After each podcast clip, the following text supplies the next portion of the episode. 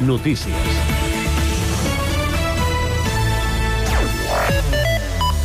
Bona tarda. El manteniment de la ciutat i la mobilitat estan entre les principals preocupacions del Sant Cuatenc, segons la darrera onada de l'Observatori Sociològic de l'Ajuntament. Ara, aquestes responsabilitats recauen en la tinenta d'Alcaldia de Gestió Urbana, Mobilitat i Canvi Climàtic, Cristina Paraire, que sobre la taula té el futur contracte de neteja viària i recollida de residus, així com el nou pla de mobilitat de la ciutat. En una entrevista a Cugat Mèdia, Paraire ha avançat que la licitació del contracte, el més quantiós de l'Ajuntament, està a punt i es portarà al ple de desembre. És l'inici de la tramitació per adjudicar un servei que portarà canvis com l'eliminació dels contenidors soterrats, la renovació de la maquinària i progressivament la implantació de contenidors que identificaran què genera cada ciutadà per aplicar-hi una taxa que fins ara no es cobra directament a Sant Cugat, però que el municipi està obligat a incorporar abans del 2025.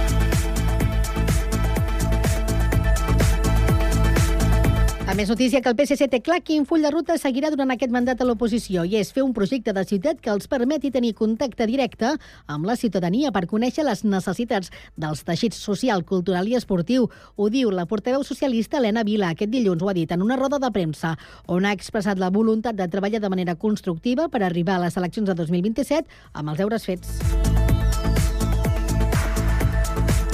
El PP vol que l'Ajuntament posi en marxa una línia d'ajuts i subvencions per fomentar la natalitat. En diuen un xec nadó que s'hauria d'implementar durant el mandat i que reverteixi el que els populars consideren una tendència negativa poblacional. El grup municipal creu que les administracions han d'implicar-se i posar el seu gra de sorra per ajudar les mares en la primera etapa de vida dels seus nadons. La Junta de Veïns de Valldoreix d'aquest dijous incorpora l'aprovació definitiva del projecte d'urbanització de l'Avinguda del Baixador, una qüestió que va quedar sobre la taula a la sessió de setembre a petició dels veïns i l'oposició. Ara, després de la reunió celebrada a principis de mes entre el govern i el veïnat afectat, el projecte encara el tram final per a la tramitació. A més, l'ordre del dia inclou una proposta d'acord de tots els grups municipals dels acords assolits en aquesta reunió per refermar el compromís de la corporació municipal. La trobada comença a les 6 de la tarda i es pot seguir presencialment i telemàticament al canal de YouTube de l'MD. Una hora abans tindrà lloc l'audiència pública. I atenció perquè Protecció Civil s'ho farà sonar 40 sirenes de risc climí del Plasecat aquest dimecres a 16 municipis del Barcelonès, el Baix Llobregat i el Vallès Occidental. A Sant Cugat no està entre aquests municipis, però sí que avisen que les tres sirenes que sonaran a Castellbisbal poden escoltar-se en alguns punts de la ciutat per la seva proximitat. Això serà demà a partir de les 11 del matí. Cugat Mèdia, la informació de referència a Sant Cugat.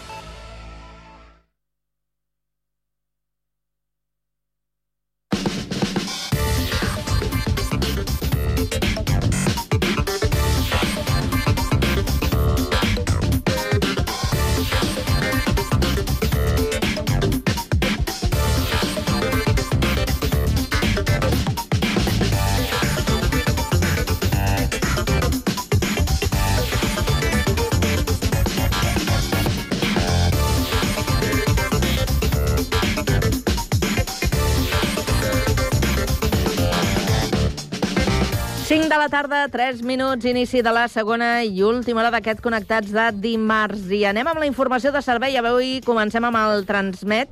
Anem eh, fins a les oficines del Transmet per saber com està funcionant el transport eh, públic. Albert Garram, bona tarda.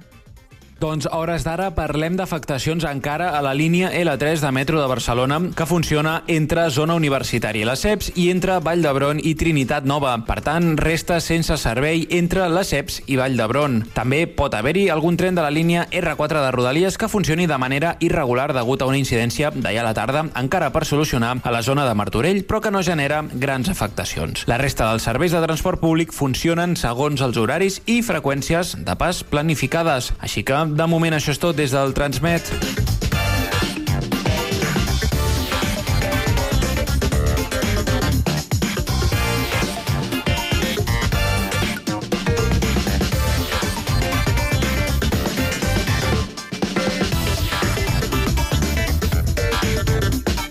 I del Transmet anem al Servei Català de Trànsit. Marta Carbó, quina és la situació a aquesta hora de la tarda? Bona tarda.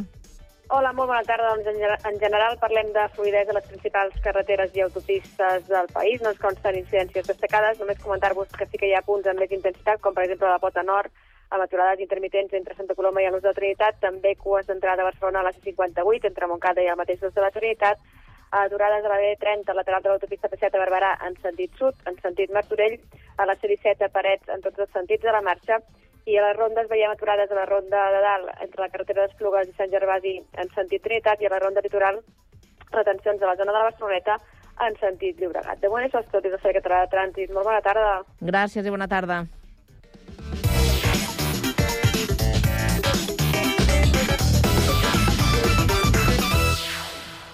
A la tarda, no et desconnectis. A la teva ràdio local, connectats. Can't touch this. Touch this.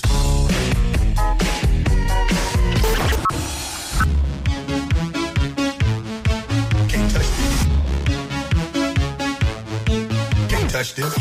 Connectats amb Carme Rebell.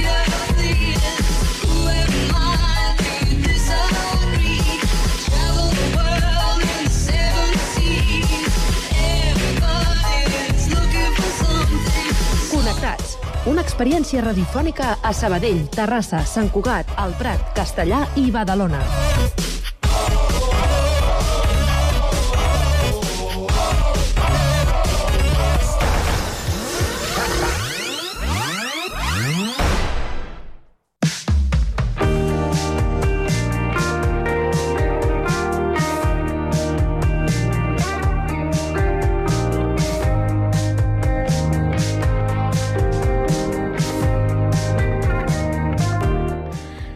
Sabadellenc que va marxar fa molts anys als Estats Units inspirat per la música.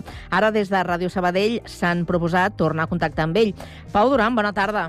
Bona tarda, doncs com que ja sabeu que aquestes coses de connectar la gent amb el planeta és una mica complicades, ens hem hagut de posar aquí les xarxes i tot plegat, però ja el tenim en línia. Pau Santes Masses, gràcies per atendre'ns. Hola, gràcies a tu. Uh, anava a dir bona tarda, però clar, en el teu cas no seria correcte, no? Aquí les 10 del matí són. Estàs a Nova York. Sí, a les afores de Nova York. Un sabadellenc a Nova York, com és això? Fa molts anys que vaig començar a venir per aquí, uh, a través de la música, evidentment. Uh, teníem molts amics aquí als Estats Units i al final em vaig quedar. Mm, Ve pel projecte de la música, la teva estada a Nova York? Inicialment sí, inicialment sí. Jo uh, teníem molts amics uh, amb grups que havíem anat, anat de gira i eren o de Nova York o de Washington i vaig començar a venir doncs, per conèixer una mica el món i viure'l des de dins, no? Uh, I, i bueno, doncs m'hi vaig anar fent. I són coses que passen, no? La vida... Tu toques la bateria, encara? Jo, uh, de tant en tant, de tant en tant. Uh, és més difícil, evidentment, uh, amb la feina i la canalla i el futbol. Però sí, en principi tinc la bateria muntada al soterrani i de tant en tant doncs anem tocant. I els meus fills també comencen a tocar ara, que ja són adolescents, i, i bueno, doncs anem fent. Quines edats tenen ja, Pau? 13 i 15. Uau! Sí, te'l passa volant, això. I tant. Escolta'm, i deies el futbol, també. Sí, ells juguen a futbol. Des de, des de molt petits que els hi va començar a agradar el futbol. Jo, de jove, la veritat és que no havia jugat gaire. A l'escola, evidentment, com, com tothom a Catalunya, doncs, més o menys, havia jugat a futbol a l'hora del pati. Però als meus fills els hi, els hi va agafar la dèria, no? I, bueno, és que o sigui, jo no, quan era petit no ho hagués dit mai, però aquí tu vas pel carrer i les samarretes del Barça cada dia, m'entens? Vull dir que... Uh, sí, sí. Però- I bueno, pues això, ens passem, ens passem el, els caps de setmana al camp de futbol.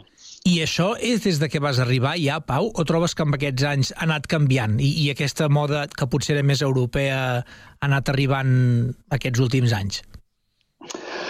Um, home, no t'ho sabria dir. Jo crec que sí que ha anat pujant, eh?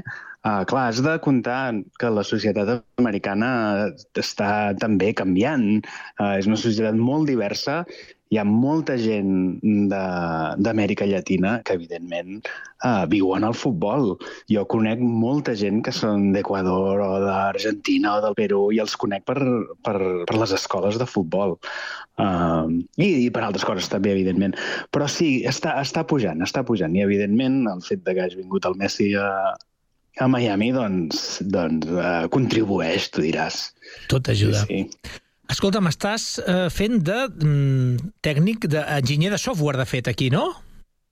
Sí, jo sóc enginyer de software ja fa quasi 20 anys. Jo mm, vaig estudiar disseny gràfic uh, abans d'internet, diguéssim, no? Però clar, un cop va arribar a internet i, i quan vaig arribar jo aquí als Estats Units, doncs a mi m'interessava molt la tecnologia. A casa sempre hem sigut una mica tecnòlegs, sempre hi han hagut molts ordinadors a casa i doncs em vaig posar una mica així per, per, per aquest món i, i sí, doncs em, em dedico això, a, a, al software, a, sobretot a, al software i al disseny.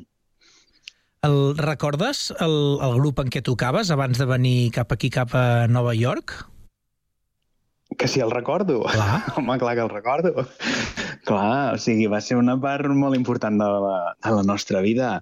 Uh, vam, vam ser un grup durant 10 anys. Uh, i, Els i Aina. A, a part d'un grup... És, Aina, Aina.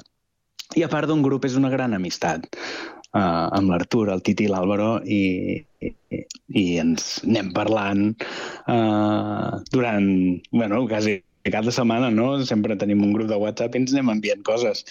I, evidentment, quan... Hem, tam també és veritat que quan durant aquests últims anys, si a vegades, quan he pogut venir a Barcelona, doncs si algú vol que toquem perquè perquè els hi fa il·lusió i ens fa il·lusió a nosaltres, ho hem anat fent també. Vull dir que, que sí, sí. és uns records molt presents d'Aina. Com ho portes, això de... eh, Clar, hi hi ha una part de la teva vida, no?, d'amistats, o com és el cas dels membres d'Aina, que, clar, no els tens allà amb tu. Com es viu això?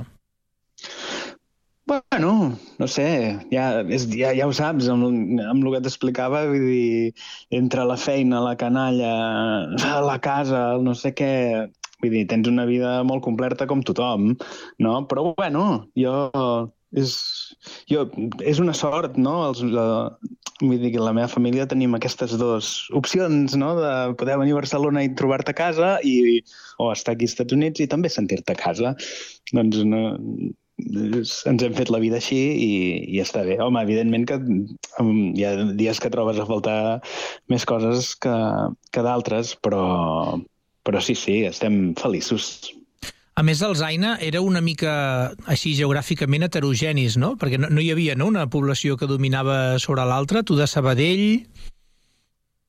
Sí, uh, a veure, l'Artur i jo ens vam conèixer a, a l'institut. Jo anava a l'escola a Barcelona i així ens vam conèixer. I el Titi i l'Àlvaro vivien a Barcelona.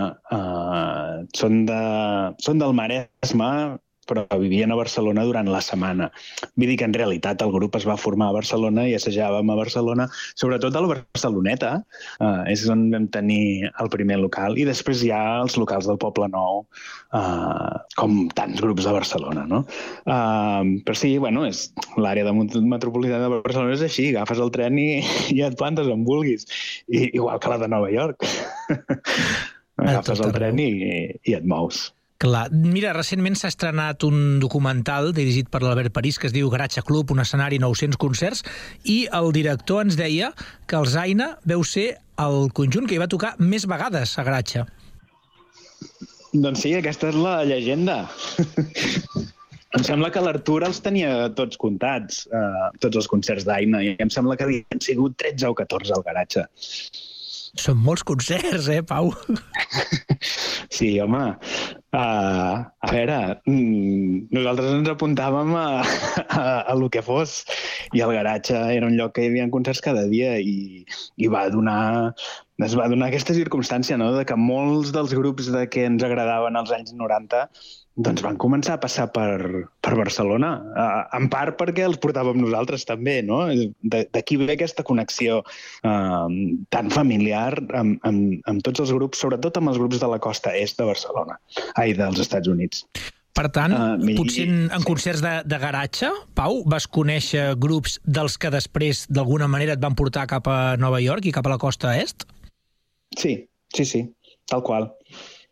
Tal qual. Amb el, treballant amb el Jordi, jo treballava a l'oficina del Jordi ajudant amb, amb el correu i fent disseny gràfic també i, evidentment, ajudant amb els concerts quan ens venia de gust muntar concerts i vam conèixer molta gent amb la qual ens vam fer amics de, de per vida, no? I, i jo em vaig quedar aquí, però bueno, el, el, el, la resta d'Aina també tenen molts amics aquí. Quan et refereixes al Jordi, posa'ns en context, Pau. El Jordi Llançamà és el, el capo de Becore, no? que fa, deu fer més de 30 anys ja que porta la discogràfica i és bueno, eh, una peça clau de, de l'escena independent eh, a Barcelona des de sempre, sí, i un gran amic, i un gran amic. On, de Un fet, gran amic de tothom, un gran amic de tots els grups. de fet el, a la web de eh, Bicore encara sortiu referenciats al Zaina i, per exemple, el, el grup actual de l'Artur, Estrada, els Nueva Volcano, també estan amb ell. Sí, sí, sí, clar, vull dir, és que és un tema molt familiar, m'entens? Vull dir, era una... És, és, segueix sent una escena musical molt... bé, És petita, però eh, molt, molt familiar. I, i això, doncs, és, com que és per amor a l'arte, realment, doncs, doncs eh, l'amor més val en família, no? Que hi ha, hi ha grups i amics doncs, que van, van provar de fer altres camins, no? I n'hi ha que els hi va anar millor i n'hi ha que no els hi va anar pitjor, però, però bueno, sí, sí. ja et dic, eh? una, peça, una peça clau per mi de, de, de la música independent, segurament europea, eh? Pel- en el meu entendre. Eh? Pau, i com passes de fer el clic aquest de dir, doncs mira, estic aquí mm, la mar de bé, en aquest ambient familiar i tal, i no, ara decideixo que me'n vaig a la costa est dels Estats Units i que m'estableixo allà i m'hi quedo? Home, has de comptar que teníem eh, 20 i molt pocs, no? Quan jo vaig venir ja tenia 23 anys, em sembla. Érem molt joves. Va arribar un moment que doncs que, clar, havies tocat amb el grup 10 anys i també se'ns havien acabat una mica les idees. Havíem fet una mica tot el que ens havíem proposat, no? Que era, doncs això, tenir un grup de música per nosaltres, que ens agradés, i poder anar a voltar al món i conèixer gent, no? I ens vam, vam fer 400 concerts, al garatge són 13, però, però al Raina vam fer 400 o 500 concerts a, a tots els països d'Europa i a gran part dels Estats Units. Concerts molt petitets, eh? Parlem de 50 persones, però eh, arriba un moment que et quedes amb... Vull dir, ja, ja ho has fet, no? Uh, I jo crec que madurant, l'Artur tenia ganes de fer una altra cosa. Ens havíem quedat creativament que ens havíem quedat que ja no sabíem quin era el següent pas. I l'Artur tenia una altra visió que estava començant, no? I, bueno, i així funciona el rock and roll, no? Eh, vas d'un grup a un altre i, i ja està. I, I jo crec que, per sort, no? perquè Nueva Volcano jo crec que va ser, bueno, és eh, un altre referent, no? És, mm, tenen uns discos fantàstics, eh, realment. I, i, I jo crec que, que líricament l'Artur es va poder, va poder fer un pas endavant molt gran, no? De, de lo que havia sigut el nostre la, el grup d'institut, on era, érem massa joves, no? I, I jo crec que realment l'Artur va aconseguir madurar el concepte eh, que, que, que és similar a, amb Nuevo Volcano. Els hi parles als teus fills, dels teus concerts? Sí, i tant que sí. Um, home, ells han, eren més petits, no?, però alguna d'aquestes reunions que hem fet d'estiu, doncs ells hi, hi han estat. I, bueno, sí, ells ara comencen a tocar una mica, sobretot el petit, li agrada la bateria, li agrada la guitarra, i de tant en tant anem a concerts junts. Uh, vull dir que ells entenen. Ells, el, el gust que, que tenen ara és més eclèctic, però ells entenen d'on venim, jo crec, i, i ho aprecien també. No? Ells, han, ells, ells veuen la música d'una manera diferent, no? perquè amb la tecnologia i el TikTok i l'Spotify és, és diferent, però vull dir que els agrada igual la Rosalia que un grup de punk que jo els, de, els hi descobreixo amb ells i els hi recomano, no? I, i, tenen, i per ells és completament normal. Va, doncs, uh, tria una cançó per acabar l'entrevista, Pau. Posarem el 68 de Jawbox, que era un grup que ens va influenciar moltíssim, Uh, I aquesta cançó uh, en particular la recordo al garatge. Uh, va ser un impacte molt fort aquest concert, sobretot aquesta cançó. Pau, gràcies per tenir la trucada al Connectats. A vosaltres, molt, molts records des d'aquí. Years.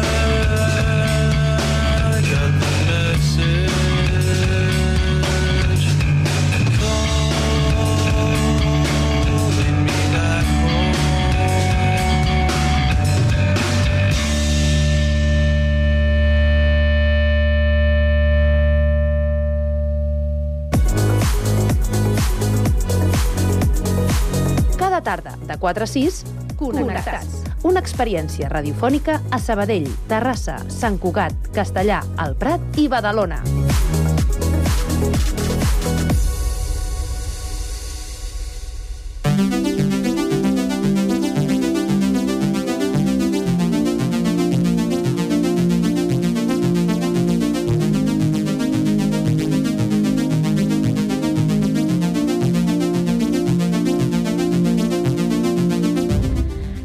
Se celebra el Dia Mundial sense alcohol, establert per l'Organització Mundial de la Salut, per tal d'informar sobre els efectes físics i psicològics del seu abús. Per parlar-ne sobre aquest tema, avui ens acompanya en Víctor Martí Carrasco, psicòleg clínic i coordinador del cas de Rubí. Bona tarda, Víctor. Hola, bona tarda. També ens acompanya Sergi Estapé. Sergi, bona tarda. Hola, bona tarda. Bé, doncs eh, comencem a parlar sobre el tema eh, d'entrada. Víctor, eh, sabent com es pot detectar un cas d'alcoholisme?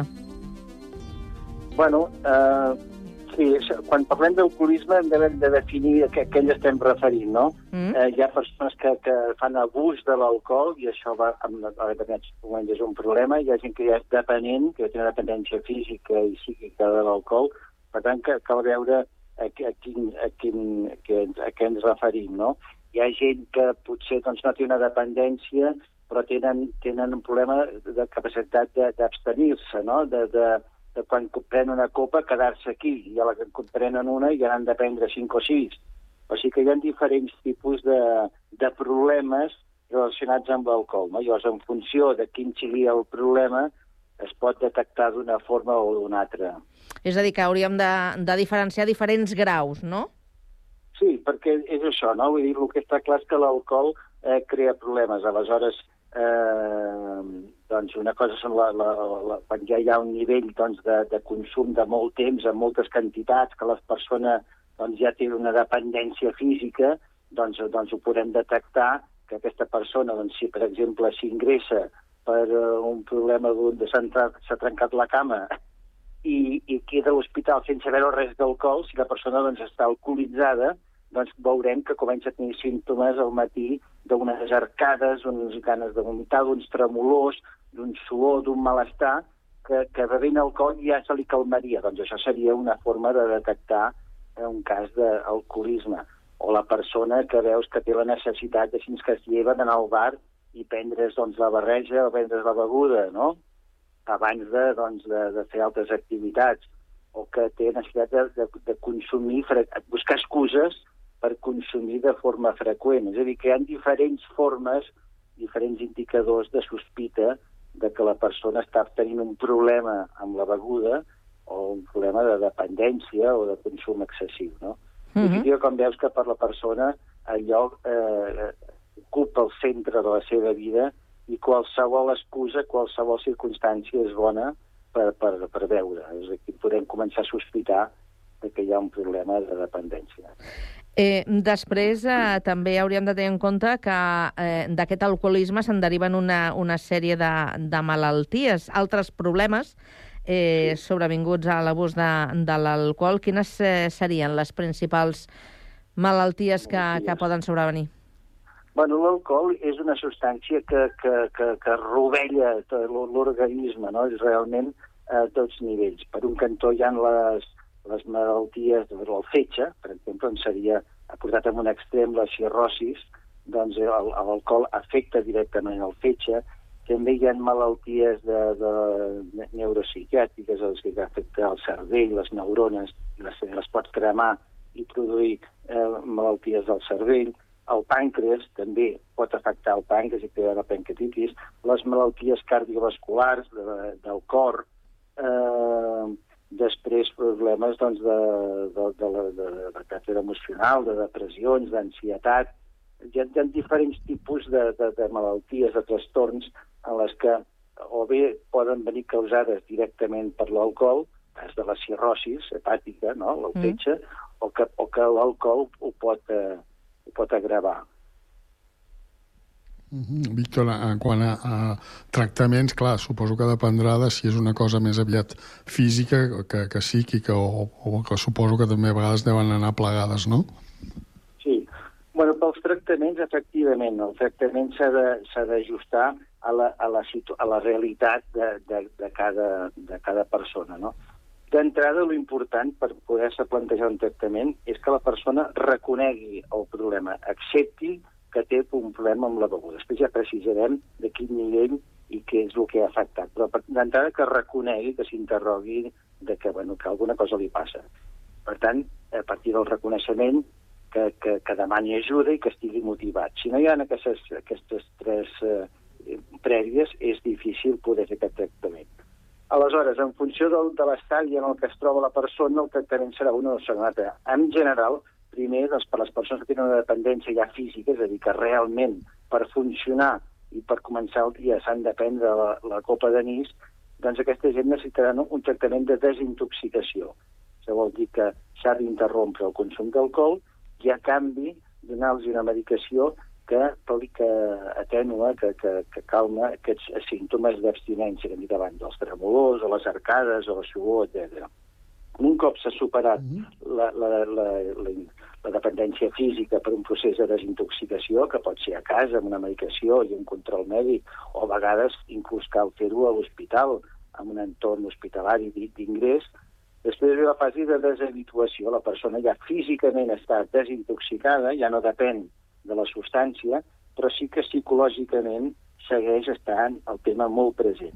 Aleshores, això doncs, és necessari tractaments psicoterapèutics o tractaments de grups, etc. I després hi ha els processos de rehabilitació, no? El tema del, de l'alcohol, de l'alcoholisme, pot haver afectat diferents aspectes de la vida de la persona, l'àmbit laboral o l'àmbit familiar, a diferents aspectes, i també en els tractaments cal recuperar, rehabilitar doncs, tot allò que l'alcohol pugui haver afectat, no? Llavors, la família, uns nivells pot, pot haver quedat afectada, o la feina, etc. S'ha de mirar que la persona no només deixi de veure, que és un aspecte important, però, és que, però que també hi hagi un procés de recuperació a altres nivells.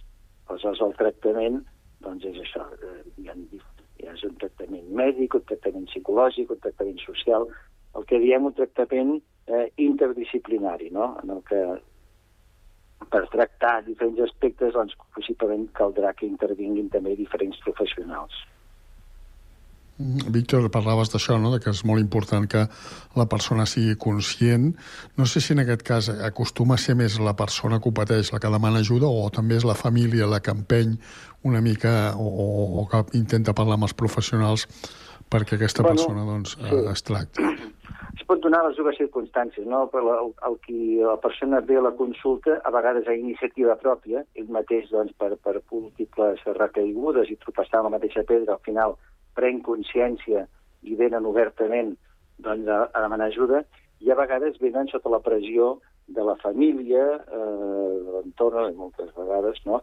I aleshores, eh, si és així, que venen per, per la pressió de la família, llavors cal fer aquesta feina de mirar-lo de confrontar, no, no d'una forma persecutòria i, i castigadora, però sí ajudant-lo a que la persona pugui mirar-se a si mateix i pugui reconèixer aquests problemes que té. Per tant, a vegades la gent doncs, ve a iniciativa pròpia i perquè doncs, ja, ja porten un llarg recorregut de, de, de, de negar el problema, d'intentar-ho pel seu propi compte i no en sortir-se'n i aleshores accepten que tenen un problema i que l'ajuda i venen molt motivats i això ens facilita la feina i a vegades doncs, no, no venen motivats sinó que venen forçats i la nostra feina és mirar de rebaixar, eh, reduir aquestes defenses inicials que la persona entengui que, que, que, que nosaltres estem allà per, per ajudar-lo i, anar, i no anar en contra d'ell. En contra d'ell no?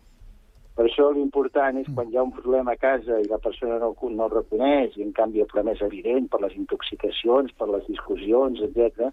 doncs bueno, trobar el moment propici per parlar-ne d'una forma calmada, el qual no sempre és fàcil, i mostrar-li a la persona de que, de que hi ha evidències, no?, de que hi ha un problema i que això s'ha de tractar mm -hmm. i que hi ha centres que estem per ajudar i especialitzats en això i que és un problema greu però que té solució, que és, aquest és el tema important. És un problema greu, no es pot minimitzar, però té solució i, i els tractaments són molt agraïts. És com una planta que no regues i es va aixecant fins que es pot morir, però si la vas regant i la vas cuidant, la planta rebrota, no? Doncs la persona que, que, que s'ha castigat amb, amb la beguda, el seu procés de deteriorament a tots nivells, físic, mental, social, eh, es va deteriorant, però si la persona deixa de veure i inici, inicia aquest procés de tractament, els, els efectes són molt, molt agraïts. No? I, I es comença cada vegada més jove a provar l'alcohol o inclús caure en l'alcoholisme? Bueno, el de provar l'alcohol, doncs sí, en les etapes adolescents i joves, doncs, doncs sí, hi ha la tendència a que cada vegada més joves el, el tasten, com la, parlem de l'alcohol, o, o altres drogues, altres substàncies. Altra cosa és que ja hi hagi una situació d'alcoholisme, de, de persona que està en un patró de dependència física, psíquica a la substància, i això ja no són tan no acostumen a ser, malgrat que hi ha persones joves en, en situacions de, de dependència, però acostumen ja a ser eh, perfil de persona ja més adulta, de, de, de, voltant dels 40 anys, que és on hi ha la majoria, no? entre els 40 i els 50, o 40 i 60, és quan hi ha els, els casos més, més clàssics.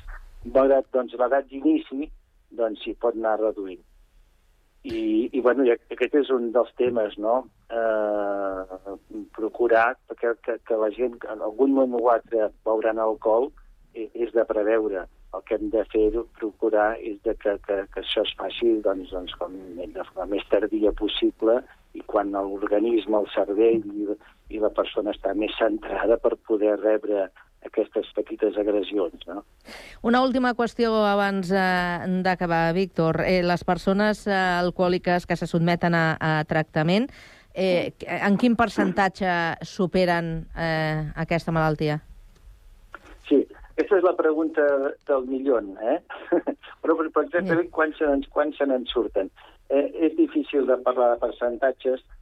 Podríem pensar que, que, que un terç doncs se, se n'en surten plenament i ho superen, un, un, un terç, eh, un 40% ho superen, llavors ja hi ha un 20%, un 30% que, que van fent processos de recaiguda, i, i altres que, que, que, que recauen més sovint se n'en surten, no? Però més enllà dels percentatges, que tot depèn de la població que estudiem i es fa difícil, mm. eh, l'important és eh, reconèixer i difondre que el tractament és possible, que, que, que malgrat el, el problema, doncs, quan es planteja un problema d'alcoholisme, algun membre de la família és un baix i pot ser un problema, però això té solució. I aleshores l'important és que quan algú sospiti o hi hagi evidències de que hi ha un problema d'aquests, que s'adrecin al seu metge de capçalera. Avui en dia els metges de capçalera estan sensibles a aquest problema i estan formats, i si des del metge capçalera no el pot atendre, doncs ell ja l'orientarà cap a un servei especialitzat eh, que aquí no el Vallès doncs, en diversos, el Maresme també, Vull dir, tots els, tots els Està municipis clar. Uh -huh. hi ha, hi ha centres especialitats que poden atendre i donar resposta als problemes que, que es puguin donar. Doncs avui hem intentat, eh, com a mínim, eh, donar alguna dada, alguna informació al respecte. Víctor Martí Carrasco, psicòleg clínic i coordinador del cas de Rubí. Moltíssimes gràcies per eh, passar pel Connectats. Que vagi bé. Bona tarda. Adéu, bona tarda. Gràcies, Sergi. Bona tarda. Adéu, bona tarda.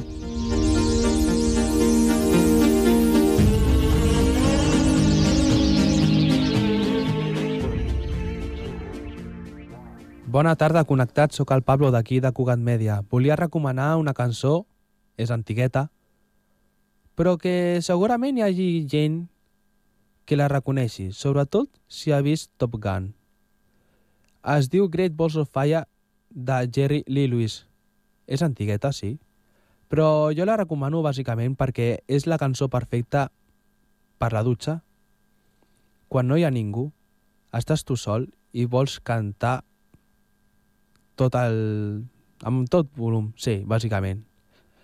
Així que poseu-la, si us plau. You shake my nerves and you rattle my brain. Too much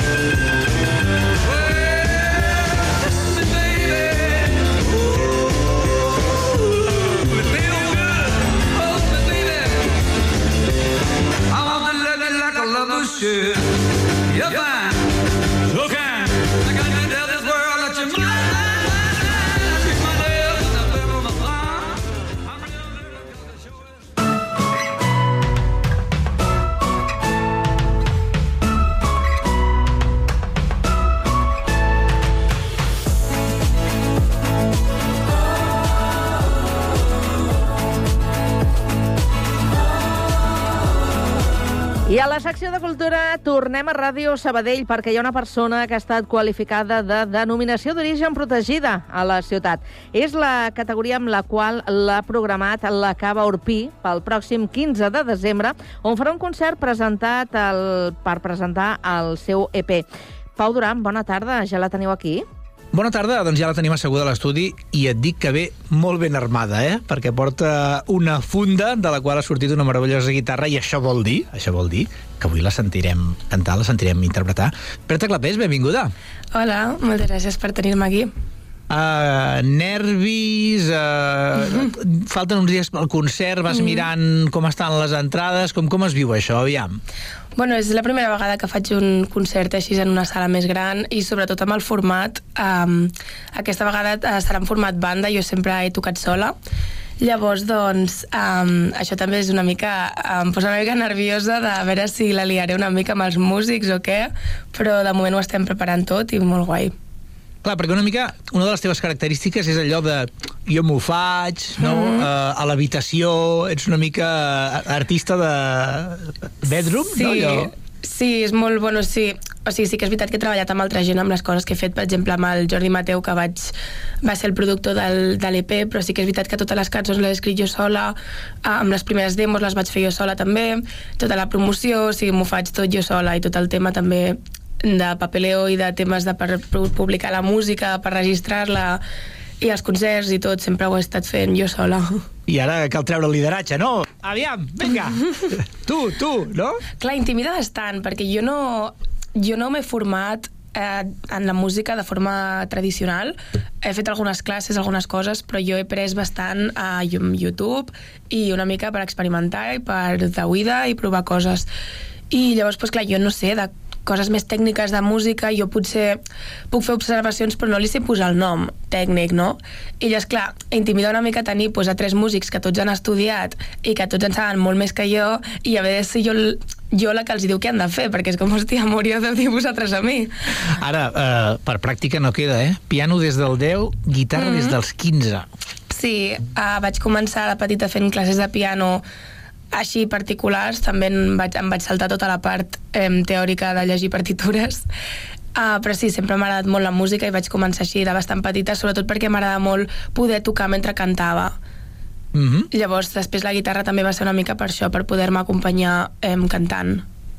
Uh, has parlat així de passada de l'EP, és aquest Songs from my bedroom. Mm -hmm. uh, dues cançons sí que ja les coneixíem, n'hi ha quatre d'inèdites per això. Sí, um, quines... Bueno, hi havia la de Loving You, que és la que, bueno, és la que cantaré avui, de fet. Ah. Uh, Made 113 Days of Blue, també, aquest va ser el segon single. I llavors tenim a uh, Wisteria, que és una cançó que a mi m'agrada molt, que és així amb el piano i amb el cello.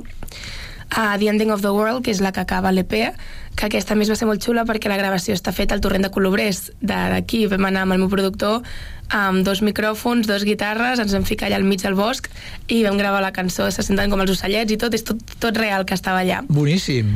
Sí, va ser molt xulo fer això. I després hi ha també um, The Northern Lights, que és la primera que vam gravar. És una de les més antigues. I We Just End It All, també aquesta és la, la primera cançó del disc en anglès perquè és com et surt, eh, hi havia alguna cosa que, que fa de lligam, per què? Bueno, simplement és perquè jo escolto música en anglès, llavors em surt molt natural que com que és el que he estat escoltant sempre i el que m'agrada a mi, em surt supernatural escriure en anglès. És que he intentat fer en català i en castellà i tot, però és que no em surt gens natural fer-ho. I sí que, com que em sap greu, perquè clar, al final estan aquí a Catalunya hi ha molta gent que si canta un anglès no entén la lletra i per mi la lletra és molt important. Que ja ens val també, deixa'm dir bueno, és que també, home, s'ha de donar suport a la llengua catalana, llavors sí, sí. Ah, està molt bé, però és que a mi no em surt natural. M'agrada molt que estiguin havent molts artistes ara en català, que estigui com sortint molt la cosa que s'escolti aquí música en català, però jo de moment no, no em surt fer-ho, perquè el que escolto jo és en anglès. Què escoltes? pues, uh, Taylor Swift, Ed Sheeran, Nina Nesbitt, Maisie Peters, um, no sé, Gracie Abrams, Phoebe Bridgers, no sé, bastant... Però és tot així, molt americans o anglesos. I creus que sones una mica com ells? El meu pare em diu que sono com la Taylor Swift però, bueno, si he agafat, al final he agafat inspiració de, de tots aquests, no? Agafes petites coses de cada un. També, clar, jo als 15 anys, quan vaig començar a tocar la guitarra, va ser perquè estava obsessionada amb l'Ed Sheeran. Ah, sí? Sí, llavors vaig, uh, vaig veure que ell tocava la guitarra i va ser com, ah, jo també haig de fer això. I llavors em vaig posar a escriure les meves primeres cançons i tot això. Llavors, al final, trobo que és important també tenir algunes figures amb qui t'inspires per treballar tu també, perquè si estàs començant... Clar, si parteixes de, de jo, que, que a la meva família no hi ha ningú que faci música, i no tinc cap amic ni cap res que també escrigui cançons ni res, doncs clar, m'haig de poder inspirar en alguna figura o en algú. Llavors, doncs jo crec que aquí és molt in com interessant pues, com entren aquestes persones que tu admires de, dins de la música o gent que tu pues, ja analitzes les seves lletres, dius, hòstia, m'agrada el que està fent aquí aquest artista, hòstia, i aquest altre que ha fet això, i llavors a poc a poc pues, així poder-te inspirar tu també per fer les teves pròpies coses. Escolta, i el, tu també tens canal de, de YouTube. El Led mm -hmm. Sheeran és molt d'aquestes coses de... Pues ara em poso a cantar amb un tio del carrer. Uh, intervinc unes pel·lis també fent un personatge que tal... El, o sigui, té com diferents maneres no? de, de vehicular la seva creativitat, també. Mm. Bueno, Led Sheeran durant molta prova de la carrera tocava ell sol. Llavors, potser per això jo també vaig estar durant molts anys fent jo, jo sol amb la guitarra, però Bueno, una, un consell que m'hem portat de l'Ed Sheeran, d'un un llibre, de fet, que va publicar fa un temps amb temes de música i tot, és que una de les coses que deia ell és que mai... Eh, que sempre toquis a tot arreu on puguis, que mai diguis que no a res, que mai sentis que res és um, inferior a, a tu, que no tinguis mai l'ego de ah, jo aquí no aniré a tocar, sinó que diguis que sí a tot i que a tot arreu on puguis anar hi vagis. I llavors és una mica com el que intento fer, d'estar a tot arreu on pugui estar. De fet, eh, tenim un concert per aquest cap de setmana, no? A Salou, el 18 de novembre. Uh, sí, pel 18 a... No, el, el del 18 és a un, un bar que es diu Mucho Cielo y Mucho Mar. Exacte. Sí. Pues, però és un vermut, vermut musical. Ah, molt bé. El 15 de desembre, aquest que hem començat comentant a la Cava Urpí, i el dia següent en tens un altre, també. Sí, el següent també serà aquí a Sabadell el dia 16, a les... crec que era a les, a les 6 de la tarda, em sembla. I estaré tocant, de fet, en el en l'edifici antic de la Caixa. L'antiga Caixa Sabadell, que, que és molt maco, més allà. Pues estaré tocant allà, em fa molta il·lusió. Modernisme a tope. Sí. Va, doncs ara et volem escoltar nosaltres. Berta, què ens toques? Bueno, doncs us tocaré aquesta, el, va ser el, el primer single que vaig publicar, que és aquesta cançó que es titula Loving You. Doncs tot teu, vinga. Loving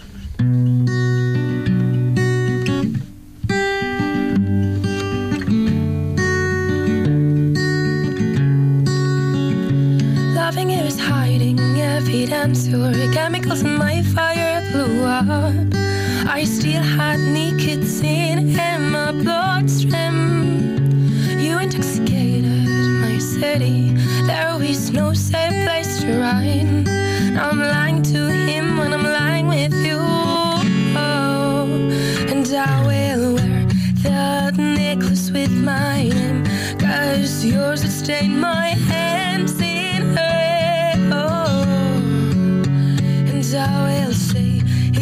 sober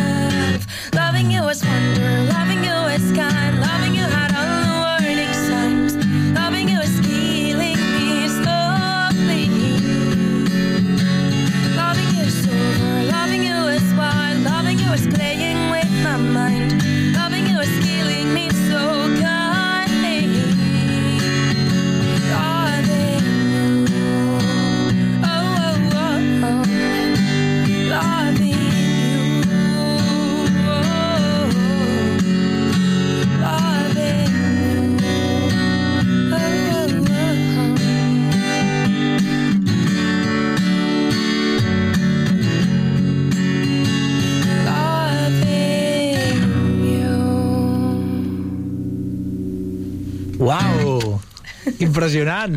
Merci. Molt bé, doncs aquesta és una de les sis que tenim en eh, l'EP. Mm. -hmm. uh, entenc que les sentirem en el concert de la Cava Urpí el dia 15. Sí, de fet, bueno, clar, aquest concert és una mica... La idea del concert és presentar um, fer una presentació més oficial de l'EP, llavors, clar, faré totes les sis cançons i a més a més afegiré algunes altres que, que no he publicat i que vés a saber si publicaré mai, però així també podreu sentir um, altres cançons originals. O sigui que, compte, perquè podria ser allò de dir la sentiu en directe, però no Clar. us asseguro que quedi mai registrada. Segurament, eh? la majoria segurament. Home, jo crec que al final quan estàs just començant, que tens només una o dues coses publicades, els concerts són molt això, que vas agafant no? cançons més antigues que potser no penses publicar-les, però perquè tu al moment estàs encara treballant en cançons per publicar en el futur, però clar, de mentre has d'estar tocant alguna cosa. Clar, i no sé si d'aquests covers que també has anat posant Mhm. pels canals eh, i tal, hi ha algú que diu per què no fas aquella? A vegades tinc gent que em pregunta que per què no faig alguna, alguna original del meu canal, perquè tinc algunes penjades que no estan publicades però estan com penjades al YouTube. I, i a vegades me les han demanat i és que, és que no les sé de memòria, en plan, si me la demanes ara, aquesta jo fa temps que no la toco, llavors no puc tocar-la. Però, bueno, algunes versions també faré, sí, sí. Escolta'm, això que dèiem abans del, una mica el, el, el músic d'habitació, no? Mm -hmm. Quines avantatges li veus? O al revés, dius, mira, jo sé que és, és una aliada, però vaig voler anar per aquí. Home, jo crec que és una mica la forma de començar, perquè trobo que si no tens... Clar, si estàs just començant, tampoc et muntaràs un equip.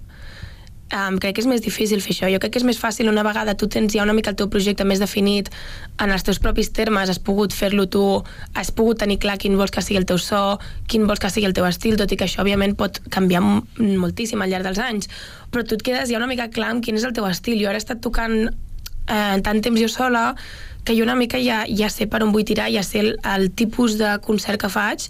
Llavors ara que m'estic trobant amb músics i jo ja tinc més clara com les coses que vull i els hi puc dir, en plan, hòstia, això vull que et soni tal, això vull que sigui tal, perquè jo m'ho he pogut com una mica crear en els meus termes, no? I trobo que està guai també tenir clar això quan vas a treballar amb altra gent. També, per exemple, quan vas a treballar amb algun productor, eh, bueno, òbviament és important agafar algú que us entengueu superbé musicalment i tot, però clar, jo trobo que va molt bé si tu a més a més tens molt clar eh, com vols que soni o per on vols tirar. Llavors trobo que això és important d'haver fet una mica molt treball tu sol, no? Però també és veritat que, clar, és molta feina i al final tu sol no pots... et quedes molt, molt curt. Al final necessites a més gent per, per arribar a més coses i fer més coses. Sempre el millor és col·laborar amb més gent d'aquí la gràcia també, no?, de quan tens l'oportunitat d'estar amb un productor que puguis ser clar. una mica sensible a dir, bueno, si em diu que vagi per aquí, tot i que jo no ho veig molt clar per alguna cosa clar, deu clar. Jo, de fet, aquesta cançó, la de Loving You, um, jo vaig arribar allà com super, amb el productor, jo allà amb la meva guitarra, super acústic, cantautor, no sé què, i ell va dir, és que jo vull fer alguna cosa així com de rock, amb la guitarra elèctrica, i jo era com, hòstia, jo això no sé, eh? I al final vam començar a fer això i amb Loving You vam fer així com una mica pop rock i m'encanta, o sigui, va quedar superxulo i al final estava, ell em deia, hòstia, no sé si l'estic fent massa heavy, jo no, no, fot-li més, fot-li més. I al final també és molt guai, clar, poder-te com impregnar de l'estil d'algú altre i que es barregi una mica, no? Perquè són coses que jo no hauria fet. Llavors això sempre enriqueix molt um, el producte que estiguis creant.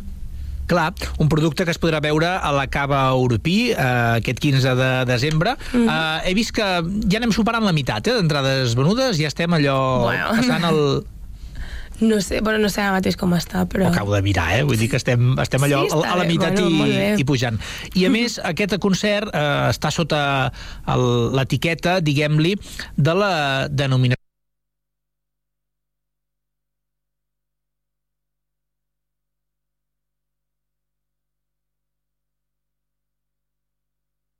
vegades, doncs, de, depèn. O sigui, sempre, sempre hem buscat que es fossin peces que fossin espectaculars, que fossin visualment molt potents. Hem fet una cosa que l'exposició queda molt bé, l'Espai Betúlia té un sostre molt alt, i aleshores eh, hem agafat i hem fet fotografies, i, eh, unes fotografies de molta qualitat, i les hem reproduït molt grans. De manera que saps que els nens tenen la visió... Moltes vegades la gent explica, quan jo era petit, semblava que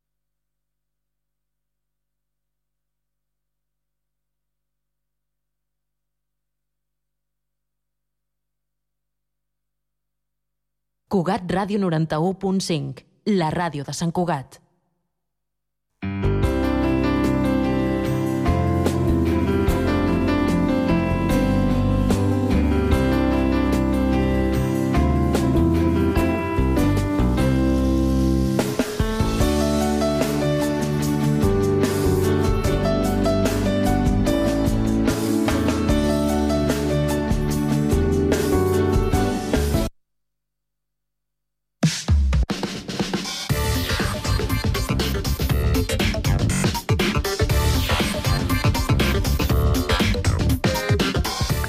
Cinc de la tarda, 3 minuts, inici de la segona i última hora del Connectats d'aquest dilluns. Informació de servei que comencem pel trànsit. Anem al Servei Català de Trànsit. Allà ens informa Eduard Sánchez. Bona tarda.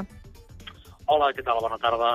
Doncs, de moment, a aquesta hora encara una relativa calma, després d'un parell d'accidents que hem tingut al migdia a la C55 i a la C60. En els dos casos ja tot resolt i trànsit ja fluid en aquestes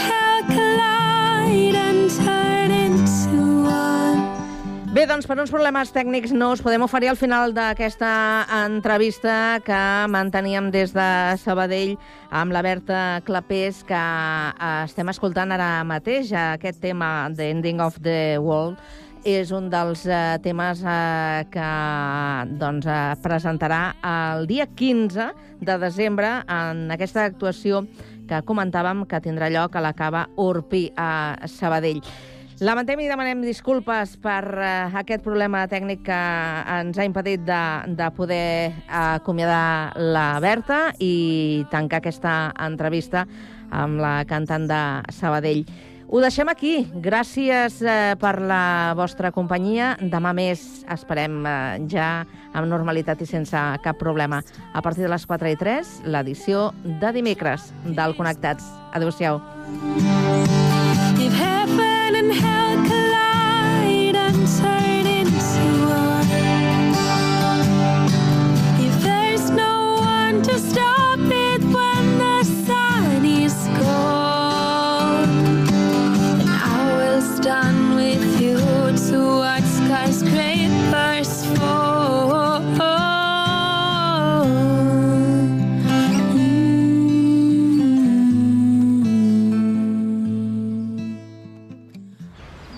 Estàs pensant en posar plaques solars a casa teva? Doncs passa't a l'energia solar de manera fàcil i segura amb la teulada, experts en energia solar i el nou espai d'assessorament per a la ciutadania i les empreses. Informa't a la teulada arroba amb.cat o contacta'ns per WhatsApp al 645 725 465. La teulada és un servei de l'AMB finançat amb el Fons Europeu de Desenvolupament Regional. AMB, Metròpolis de Barcelona. Per tu. Per tu, amb el taller Jeroni de Moragas, un programa fet per persones amb diversitat funcional i intel·lectual. Som el programa per tu, del taller Jeroni de Moragas. Aquest mes al taller han començat amb nosaltres dues voluntàries internacionals de l'associació Bíblia. Seguim amb la secció de notícies. Marc. El Gerard Piqué ha decidido que ya es hora de irse. Com a notícia extraordinària volem presentar a Maria Branyes Morena. Aquest mes de febrer el tenim ple de concerts i espectacles. Y hasta aquí nuestro programa. Per tu, cada mes a Ràdio Sant Cugat, Cugat Mèdia.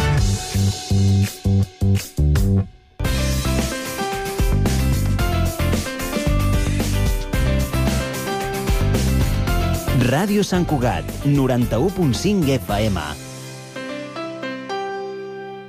La banda sonora de la teva vida a Ràdio Sant Cugat.